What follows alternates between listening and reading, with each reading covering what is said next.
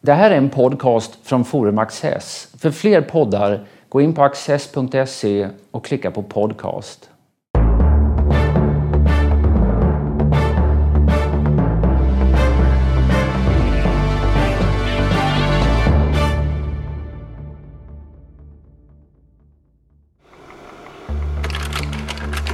Blaise Pascal utmärkte sig i mycket unga år inom matematiken och kom snart att göra betydelsefulla insatser, inte bara som matematiker utan också som fysiker. Likväl vände han sin uppmärksamhet mot religionen och slöt sig i en tid av tolkningskonflikter till klostret Port Royal och den förhärskande jansenismen. Denna inriktning inom katolicismen som starkt betonade syndens oundviklighet och nådens ofrånkomlighet. I provinsialbreven går Pascal till attack mot de konkurrerande och mäktiga jesuiterna medan han i tankar är ute efter att ge argument mot ateism. Vad kan en man som Blaise Pascal ha att säga vår tid? Stig Strömholm, emeriterad juridikprofessor och tidigare rektor för Uppsala universitet, samtalar med Peter Luttersson. Du har någon gång skrivit att ingen är mer intensivt främmande för nusvensk föreställningsvärld och livshållning än Pascal. Ja, jag tror jag är beredd att stå för det utlåtandet eller uttalandet. Det, det är väl ingen tvekan om att han, eh, kan vi säga, med den sensibilitet som även jag, låt vara en åldrig nusvensk och fortfarande hängande kvar i nuet, eh, eh känner naturligtvis eh, denna främlingskap. För det här är ju ett värld på ett väldigt blodigt allvar, oerhört sträng, verkligen. Det är ju en, en på en, en värld som är, eh, domineras av egentligen två krafter. Det ena är ju naturligtvis den, den eh, lidelsefulla eh, fromheten, religiositeten. Och eh, det andra är ju Pascals väldigt stränga intellektualism. Han var ju i första hand, får man väl säga, matematiker, och geometriker och fysiker. Och han är väl mest känd egentligen i den moderna världen på de grunderna. Condorcet till exempel tyckte ju illa om att han sysslade med religion och sådär. För att den som har skrivit eh, avhandlingen om cykloiden borde inte fundera så mycket på Gud. Var lite för klurig för det. Ja. Gjorde av Voltaire har ju sagt liknande. Och en som ju far väldigt hårt fram med Pascal är Paul Valéry. Som eh, egentligen, jag är lite besviken på honom där. Som talar om att, att eh, han talar om de hundar som skäller uppgivet på månen och inte slutar. Han tycker att det där gnäll som Eh, tillvarons eh, intighet och, och ja, meningslöshet, den, den, den, jordiska tillvarons, att det borde Pascal inte syssla med helt enkelt. Just därför att han är så eh, fruktansvärt intelligent. Och tillägger ju Valéry det försonande draget i hans språkbehandling. Ja, just det. Men om, om vi återvänder till det där. Alltså han var inte matematiker vem som helst, utan han var en framstående person. Han konstruerade räknemaskin när han ja. var 19 år. Ja, och, det... och hade gjort en massa prototyper innan förstås, men en fungerande ja, räknemaskin. Ja, räknemaskin. Sex exemplar blev det. Det var ju så oerhört dyrt att framställa. Det, var verkligen fin klensmeder, fin mekaniker ville det ju till för precisionen i den där La, La Pascaline kallades den. Och ett skickades till drottning Kristina. Ja. Just det, och det finns så vitt jag vet ett kvar i ett museum i Paris eh, av La Pascaline. Den är ju, jag har bara sett den utifrån givetvis. Oerhört imponerande och det, är mer imponerande kanske än man föreställer sig. För det första är det naturligtvis de fyra räknesätten.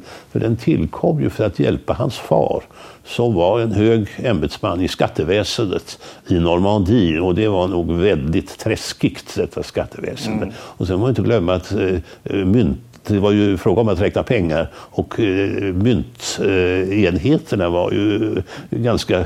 Besvärliga också för den som vill konstruera en räknemaskin. Ja, ja jag, fattar, jag förstår inte hur det gick till för det var ju, påminner ju lite grann om det engelska myntsystemet för en del år sedan. Tolftedelar och, och så vidare. Mm. Men och, eh, detta klarade den här maskinen tydligen. Men som, som vetenskapsman så gjorde han, han, han, också inom fysiken, han gjorde experiment med tryck, kvicksilver Dom. Det var, det var svågen, Perrier, som gjorde själva det fysiska genomförandet för att eh, Pascal var då i Rouen och eh, det här krävde ju ett berg av någon. Ja, det man och det var Puy de Dôme eh, utanför Clermont-Ferrand. Bara att instruera, bara att få ett glasrör. Alltså Pascals storhet tycker jag ligger väldigt mycket i hans praktiska. Att han var verkligen en konkret tänkare. Han, vilket kanske gjort honom skada på ett sätt vetenskapshistoriskt. Därför han var väldigt sparsam med att uppställa teorier. Han löste problem och gjorde det helst väldigt konkret. Han, han utarbetade ju ingen metod. Det han, han ogillar system. Han ogillar, vadå? Han, han ogillar system. Ja, han gör det. Och han och ja. Descartes träffas ju en gång ja. och trivs inte riktigt med varandra. Och nu var Descartes lite äldre och han var, kan nog ha varit en smula avundsjuk på... Men det är också helt uh, olika intellektuell stil. Ja, det där. Deduktion utifrån ett system. Istället för, som, i Pascal, som hos Descartes, istället hos Pascal, induktion, empiri. Eh, också känsla för um, Eh, ja, nu söker jag ordet, eh, Bergsons eh, ja, ord. Det är unik, alltså l'élan vital, den livsflödet. Ja, och, jo, men så är det nog. Alltså, och den där uppflammande inspirationen som löser ja, någonting som istället löser för... Och man går kanske inte vidare med det. Pascal har ju en, en rad, cykloidteorin till exempel. Han, han började kan man säga, men drev det inte vidare. Det var ju början till integralkalkylen mm. som de eh, kom att göra under, ja, arbeta vidare med i hans efterföljd. Och det var ju något liknande med med eh, probabilitetskalkylen. Eh, Sannolikhetslära. Just det, han följde, följde ju hasardspel. Han spelade så vitt man vet inte själv. Men han, hans umgänge, han hade ju en del tämligen, eh, lätt, ja inte lättlevande, men eh, grand seigneurer som i alla fall, det hörde ut i mm. stilen att man dobblade rätt energiskt. Och Pascal gjorde iakttagelser kring det där och har ju skrivit om just detta på ett sätt som också lett vidare. Men som han inte har vidarefört. Och det är i relation till Fermat och så? Ja, han, mötte, han och Fermat planerade att mötas en gång. Men båda var kranka och jag, är inte andra, jag kommer inte riktigt ihåg hur det gick. Det finns en brevväxling om den ene befann sig vid Clermont-Ferrand, den andra var lite längre söder. Jag kommer inte ihåg varför. Ja, Toulouse var det väl. Och hur de skulle kunna mötas på någon anständig plats. Jag är inte säker på om mm. det blev av.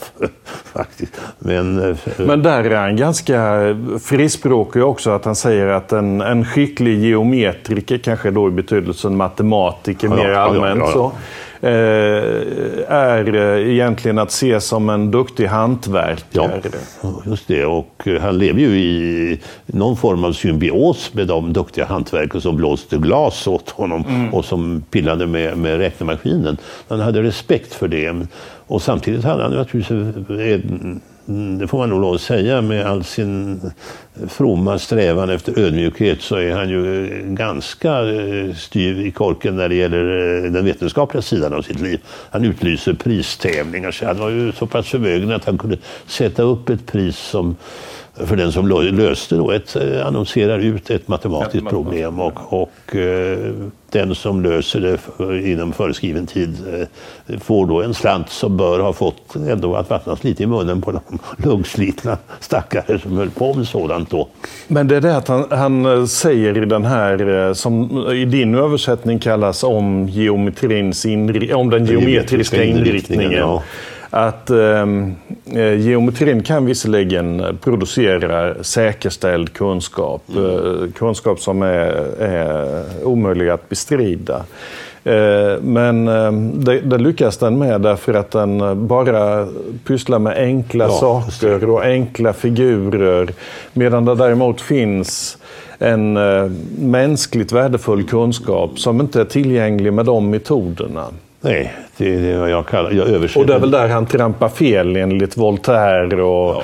och Condorcet jo, och så? Jo, han lämnar det, det spåret och går in på ett annat. Och, och man kan säga att det, det, han föregrepp på ett sätt Wittgenstein. För att det är ju det där att, att eh, i geometrin säger man det som kan sägas. Ja, ja. Eh, men istället för att tiga om det andra så ja. börjar han ju intensivt att prata om det. Ja, det gör han. Det kan man väl utan vidare säga. Jag har en, min översättning av den termen, esprit de, de finesse. Det, det, är inte en bra översättning. Jag talar om den subtila inriktningen.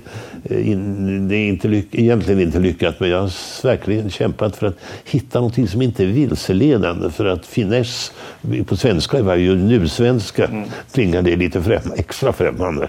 Subtilitet är ju lite smickrande för den som, ja, eh, som inte är så mycket geometrisk. Just det, just det. Det, det kittlar lite de som gör dåliga räkningar. Ja, jo, det kan och han, eh, han säger där någon gång att, att eh, ja, dålig räkning var jag inte i och för sig, men intuition var det ord jag for efter ja, innan. Jo. För att han, han Jo, men det är riktigt. Det det han, han, kan också vara kritisk mot förnuftet. Han säger att förnuftet kan böja sig åt vilket håll som helst eller förnuftet kan eh, gå olika vägar eller leda in på olika vägar. Och är framförallt otillräckligt helt enkelt. Och där är det ju, där, detta är ju en, en, eh, en slags brottning med Montaigne naturligtvis, mm. som, som Pascal ju egentligen är ganska ordentligt förförd av Montaignes skepsis och relativism. Och, så och, och, samtidigt, eh, han vill inte acceptera det egentligen. Men just när det gäller den typen av kunskap och insikt, då är det väldigt mycket Montaigne egentligen.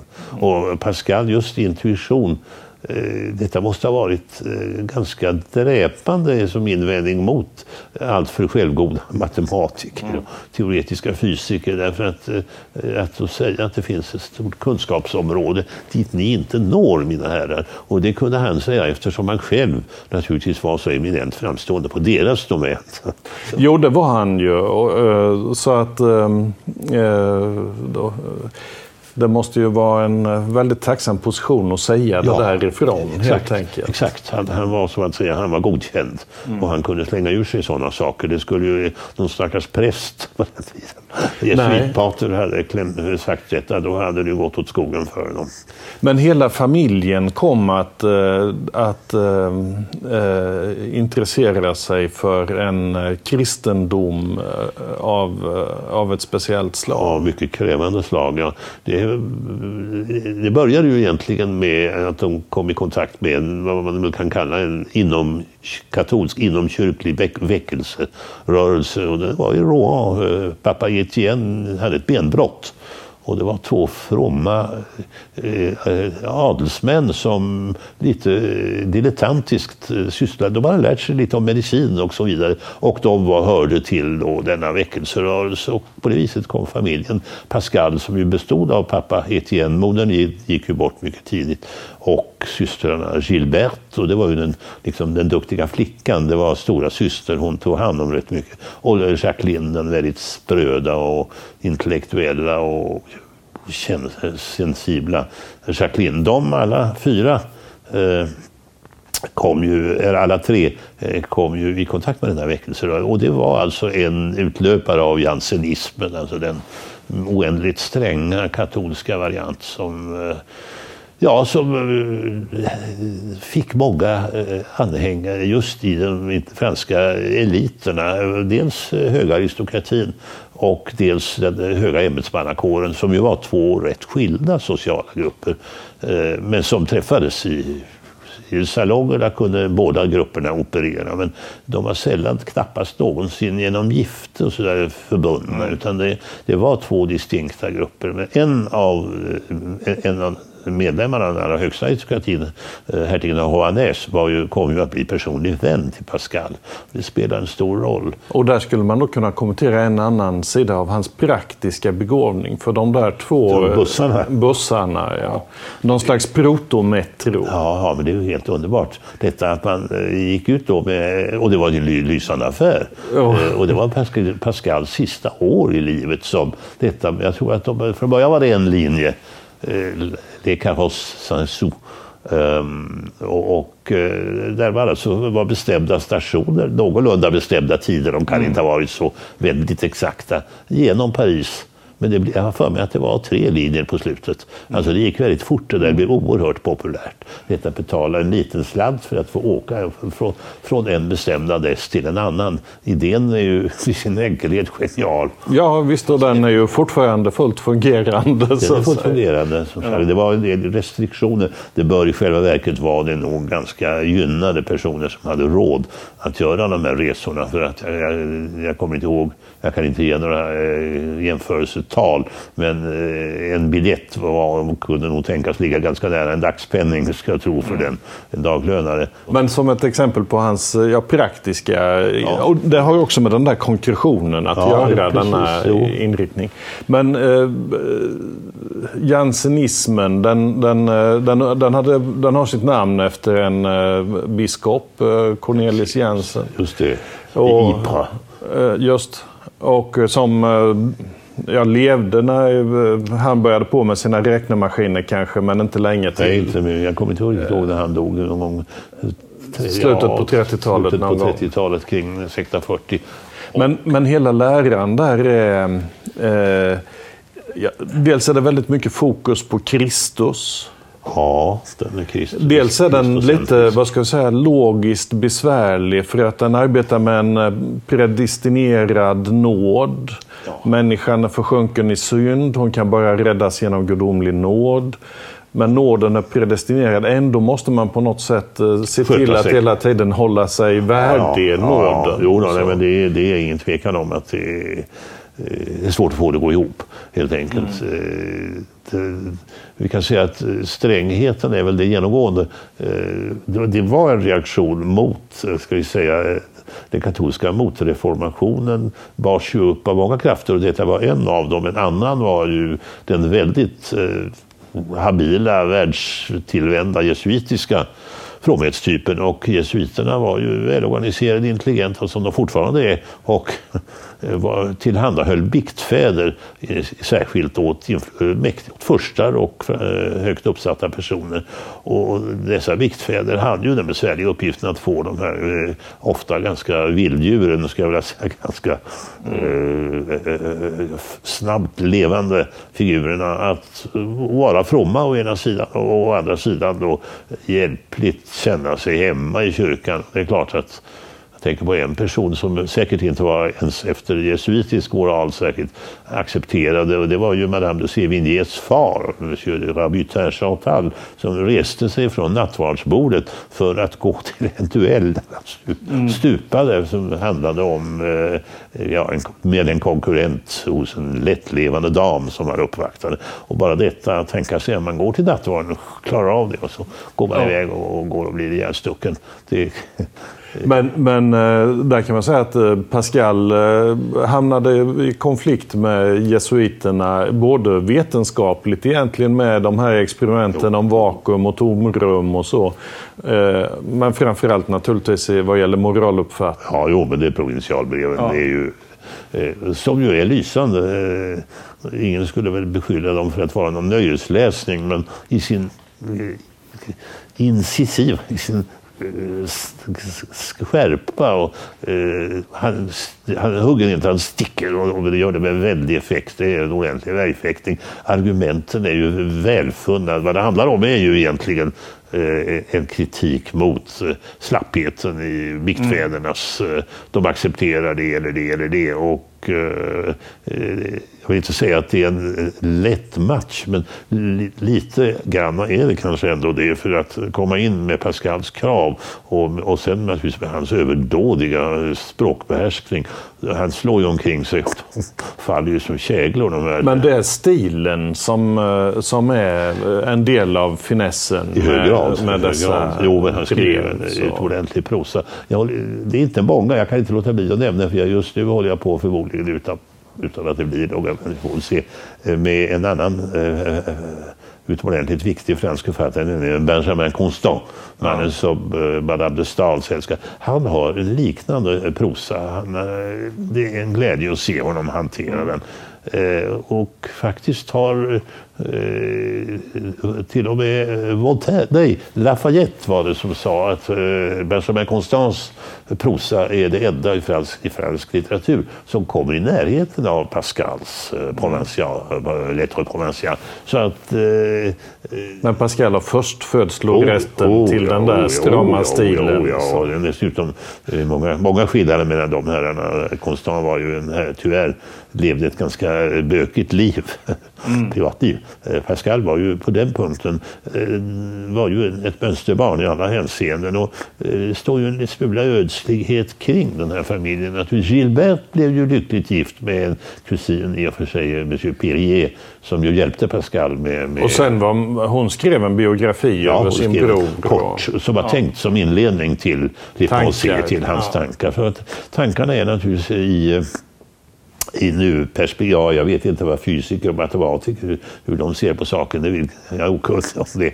Men eh, Le Pensée är naturligtvis, eh, är naturligtvis det verk som har eh, verkligen överlevt. Och, eh, provinsialbreven undrar jag om så många läser idag. Frågeställningarna är ju lite fjärran. Ja, nej, jag tror att eh, tankar det här, och det är också genren, alltså de här ja. rätt begränsade reflektionerna, ja. täta reflektionerna. Som inte var tänkta att vara. Jag tog faktiskt faktiskt med mig hit ja, mitt första exemplar.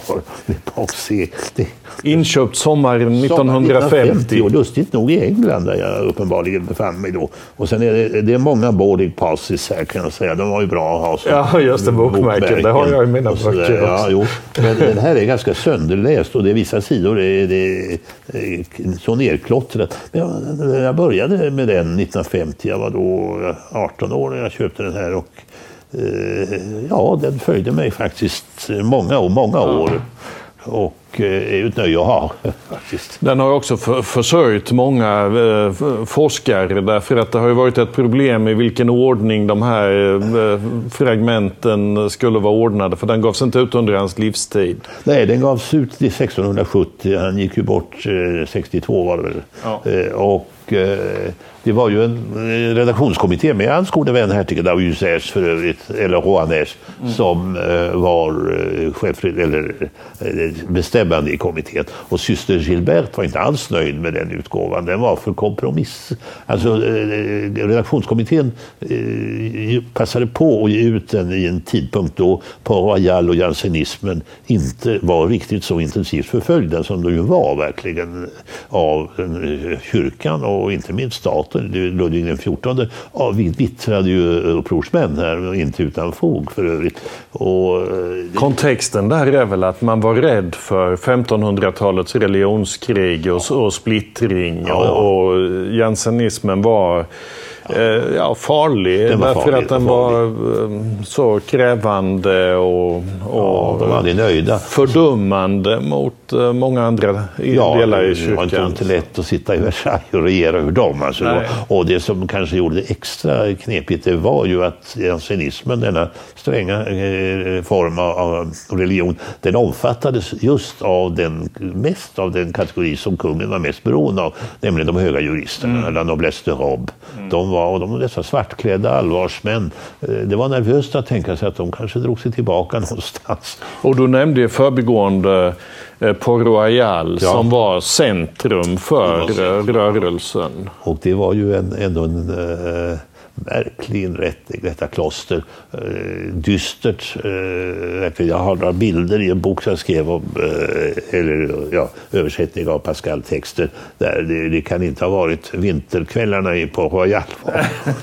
Stan de var nog inte särskilt underhållande. Men det var ett intensivt frågetsliv och det var ju oerhört begåvade och lärda och kunniga personer som samlades där. De stackars nunnorna var ju i någon slags mening kanonmat för att de och där var, där var den yngre systern blev en Ja, Jacqueline där. blev ju eh, novis och så vidare. Och hon, eh, hon var ju eh, lysande begåvad, det är nog ingen tvekan om det. Hon lyckades ju få pappa Eh, benådad av Richelieu. Han hade stått i spetsen för en skatterevolt och blivit lite för högröstad. Och den moder tidig moderna staten var ju så inrättad att de skötte inte sina affärer och var någon som bråkade de blev in, stoppad på Bastiljen. Det blev nu aldrig eh, Etienne Pascal, han lyckades hålla sig undan. Men han benådades därför att lilla Jacqueline framträdde i en, en eh, barnteaterföreställning som kardinalen bevittnade. Och när han då skulle säga några vänliga ord, hon grät, undrade varför hon grät. Och då berättade ju hon att vi är så ledsna för pappa. Det är förföljt. då. Men, men hon, Jacqueline blev alltså eh, nunna. Om hon hann bli, jag är inte alldeles säker på. Novis var hon ju, men eh, jo, hon blev nog så småningom syster. Sen. Jag tror hon blev jo, syster. Blev det, det är riktigt. Ja. Hon, hon men hon dog ju annars också tidigt. Hon dog tidigt och eh, nog väldigt mycket beroende på förföljelserna. Det måste ju ha varit ett besvärligt Det intensifierades förföljelserna ja. i slutet på 1650-talet och början kring ja, 1660. Och sen kom då i mitten på 60-talet något man brukar kalla la paix de l'église, kyrkans fred. Men då var hon död? Då var hon död. Ja. Och, och, och Blaise också. Mm. Eh, han dog ju som sagt var 62, blir det väl. Han, född, just det. han blev 39 år gammal, född 23 och dog 62. Eh, och sen kan man säga att, att uh, jansenismen den, den krossas ändå i början av 1700-talet. Ja, klostret rivs ju ja. och de där begravda kropparna eh, grävs upp och kastas i en massgrav. Det är lite ovanlig, eh, ovanligt brutalt religiöst förtryck där. 1713 har jag för mig att det var något sånt. Eh, men eh, jansenismen levde vidare i Holland mm. och den levde vidare i Frankrike. Och i själva verket så, eh, det är ju ett museum nu på Men, men und, på något sätt, den levde vidare ja, ja, som, en, underjordisk ja. Oh, ja. fenomen. Oh, absolut. Jo, nej, det, fanns ju, det var ju verkligen sönderslaget det som fanns. Den store trosledaren som Abbé de Saint-Cyran som ju var inspiratören till kan man säga, fromhetslivet i, på Han dog tidigt. Men hade hamnat på Bastiljen innan, så det var inte riskfritt eh, tidigare heller? Eh, nej, oh, nej. Det... Och, och, um... Han var väl den som uh, åkte in först, så att säga. men det var ju en del av de andra här. Nicole, uh, vill jag minnas, och Monsieur de Sassy, de hamnade, alltså några av de ledande var frihetsberövade emellanåt. Och Antoine Artaud. Arnaud var ju förföljd hela tiden. Den ja. stora Grand Arnaud, den stora Arnaud. Jo, han var... Eh, dog i landsflykt. Han dog i landsflykt. Men man ska inte glömma att det var en klan som... Eh, hela det här scenariot på något vis eh, för att förstå det måste man inse ska vi säga, den sociala strukturen.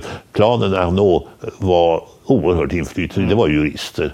Och eh, de hade ju höga ämbeten. En av eh, Le Grand Arnaud, en kusin till honom, om inte en bror, eh, var Monsieur de Pompon. Eh, genom att de, eh, han blev markis och förvärvade en egendom som då hette Pompon. Och var utrikesminister. Alltså, Pascal rör sig hela tiden mellan de här världarna. Elliot har, har sagt att eh, han var asket bland världsmän och världsman bland asketer. Ungefär jo, men, ja, väldigt det, det, det, stämmer ju, det stämmer ju. Däremot, ja, världsman bland asketer var ju naturligtvis i den meningen att han visste så att säga hur den världen såg ut.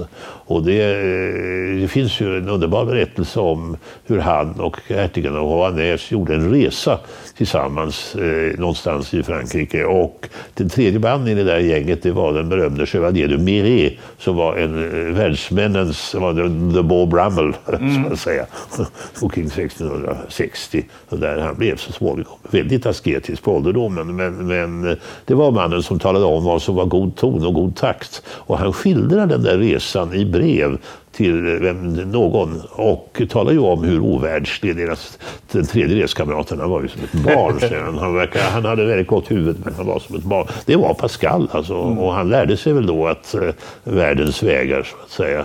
Men Pascal var lite hangaround ute vid, på, på Royal. Och ja. sen, sen hade han ändå en bostad på Rue Monsieur Le Prince. För det finns en skylt där fortfarande. Jajamän. Jag tillbragte min första natt, det var en halv natt i Paris 1947. Och när jag gick ut där, det var juni, en vacker junidag. Eh, Nordexpressen eh, gick inte som den skulle och så vidare. Vi var några stycken som fick tag i en buss i Liège. Och en av dem var någon fransklärare och han tog mig med för jag var 15 år och Eh, jag vet inte hur jag skulle gjort. Jag var bjuden till ett ställe på landet men, men ja, ingenting fungerade. Och då när jag kom ut därifrån då såg jag den här skylten, marmortavlan, att det var här. Och det var där Pascal hade haft sin eldnatt. Han hade ju en extatisk religiös upplevelse. 23 november 1654 mellan klockan 22.30 och 00.30. Jajamän, så var det. Och den bevarade han ju alldeles uppenbart som en, en, en vad man nu ska kalla en förtöjningsboj verkligen under, under sin fortsatta resa som ju inte blev lång. Men eh, han, hade ju, eh, han skrev ner sin, eh, ja, några extatiska meningar kan man väl säga av tillbedjan eh, och lät sy in det i eh, sin livrock. Ja, och hade med sig var han gick ger en del funderingar om hur man också, även en man i hans ställning, bytte inte kavajsäck ofta. Allt, allt, alldeles ofta. Nej. Och det är mycket med den där inriktningen på Kristus. Ja, ja, just det. Är vi klara? Nu är vår halvtimme slut. Ja, det är bra. Tack. Tack.